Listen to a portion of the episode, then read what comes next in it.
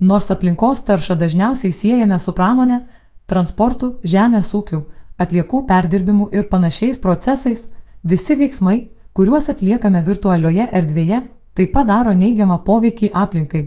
Kiekvieną kartą, kai siunčiame elektroninį laišką, naršome internete ar naudojame socialiniais tinklais, į atmosferą išmetamos anglies dvideginio emisijos. Jos susidaro gaminant, naudojant ir perdodant duomenis į skaitmeninius įrenginius ir infrastruktūrą. Kiek internetas kainuoja mūsų aplinkai? Internetu visame pasaulyje naudojasi apie 5,16 milijardų aktyvių vartotojų. Jie sudaro 64,4 procentus pasaulio gyventojų. Skaitmeninės technologijos ir jų naudojimas kasmet sukuria 1,6 milijardai šiltnamio efektą sukeliančių dujų. Šis skaičius sudaro 4 procentai pasaulio CO2 išmetimo ir yra prilyginamas aviacijos industrijos sugeneruojamų emisijų kiekiui per metus. Prognozuojama, kad iki 2025 metų emisijos padvigubės. CO2 pėtsakas mūsų pašto dėžutėse. Kiek tūkstančių laiškų šiuo metu yra jūsų EL pašto dėžutėje? O kiek iš jų taip niekada ir neatsidarėte? Štai, pavyzdžiui, organizacijos THEGOD Planet duomenimis, vidutinis amerikietis turi maždaug 500 neatidarytų laiškų. Nors EL pašto patogumą paneigti būtų sunku, kitą kartą siunčiant laišką verta pagalvoti, ar jis tikrai būtinas. Organizacijos Grandmatters duomenimis, vienas įsiustas laiškas be priedo sugeneruoja maždaug 4 gramai CO2, su priedu net iki 50 gramų CO2. Laiškų, kurie atsiduria šlamšto skiltyje, CO2 pėtsakas yra mažiausias - 0,3 gramų visgi įvairūs skaičiavimai rodo, kad šio tipo laiškai sudaro iki 85 procentų pasaulinio L pašto srauto. Kaip sumažinti L pašto CO2 pėtsaką? Venkite siūsti nebūtinus laiškus, pavyzdžiui, ačiū, laišką gavau arba dėkoju, gražios dienos. Susiaurinkite L laiškų gavėjų sąrašą. Siūskite juos tik tiems, kam laiškas yra aktualus, venkite pridėti kolegas funkciją CC. Atsisakykite nereikalingų prenumeratų. Reguliariai išvalykite L pašto dėžutę. Venkite didelių priedų laiškuose, esant poreikiui. Sumažinkite priedo dydį ir siūskite jį per failų perdavimo platformas, pavyzdžiui, VTransfer.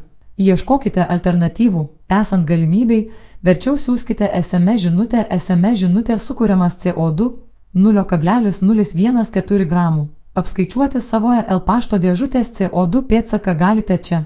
Virtualių susitikimų ir konferencijų poveikis aplinkai. Pastaraisiais metais galimybė susitikti virtualiu būdu tapo tikrų išsigelbėjimu. Visame pasaulyje įvedus judėjimo apribojimus būtent technologijos leido tęsti įprastas veiklas, o verslo keliones ir gyvus susitikimus pakeitė vaizdo konferencijos. Nuotoliniu būdu žmonės ne tik mokėsi ir dirbo, bet ir socializavosi, šventė gimtadienius, leido laisvalaikį. Turint mintyje virtualių susitikimų programų naudojimo mastą, svarbu atkreipti dėmesį ir į jų poveikį aplinkai. Vieną valandą trukmės transliacija ar vaizdo konferencija gali išmesti nuo 150 iki 1000 gramų CO2, skaičius priklauso nuo transliacijos platformos bei dalyvių skaičiaus. Susitikimo ar konferencijos metu įjungus virtualų foną, elektros energijos suvartojimas padidėja 18 procentų. Atitinkamai didėja ir susidarančių emisijų kiekis. Didžiausią įtaką CO2 pėdsakui daro vaizdo kamera. Ja naudojant susitikimo metu sugeneruojamas CO2 padidėja ne 96 procentai. Kaip sumažinti virtualių susitikimų CO2 pėdsaką? Įvertinkite susitikimų poreikį. Galbūt užtenka skambučio mobiliuoju telefonu, jeigu yra galimybė, susitikimo metu išjungkite kamerą. Jei tokios galimybės nėra, sumažinkite vaizdo kokybę. Optimizuokite virtualių susitikimų trukmę. Planuokite susitikimą ir laikykitės jo struktūros. Dalyvių ribojimas taip pat sumažintų emisijų kiekį. Įvertinkite dalyvių skaičių. Ribokite vaizdo turinio transliacijas pavyzdžiui, YouTube, pirmenybę teikite garso failams pavyzdžiui, Spotify. Įrenginio nustatymuose išjungkite automatinio paleidimo funkciją. Žiūrint ar transliuojant vaizdo įrašą naudokite WIFI. Venkite naudoti mobiliuosius duomenis, socialiniai tinklai, asmeninė atsakomybė kontroliuojant CO2 pėdsaką. Socialiniai tinklai neabejotinai pakeitė mūsų kasdienybę. Gyvename greitai besikeičiančiame naujienų sraute, esame įtraukti į nuolatinį norą vis tikrinti, ar nieko svarbaus nepraleidome. Socialiniai tinklai dažnai nepastebimai suryja didelę dalį mūsų laiko, kuo daugiau valandų praleidžiame spoksodami į ekraną, tuo daugiau į atmosferą yra išmetama CO2. Pavyzdžiui, skaičiuoklės Social Carbon Footprint Alculator duomenimis, pirma valanda Instagram platformoje sugeneruoja 63 gramas CO2, Facebook 47 gramas CO2. Jeigu kasdien socialinėme tinkle Facebook praleidžiate antrą valandą, tai per savaitę susidaro 0,6 kg CO2, o per metus 34 kg. Kaip sumažinti CO2 emisijas dėl naršymo socialiniuose tinkluose, naudokitės ekrano laiko sekimo funkciją ANGL. Strente į ME savo mobiliajame įrenginyje. Sekite, kiek laiko praleidžiate socialiniuose tinkluose ir nustatykite programėlių naudojimo limitus. Laikykite telefoną atokiau nuo poilsio zonos.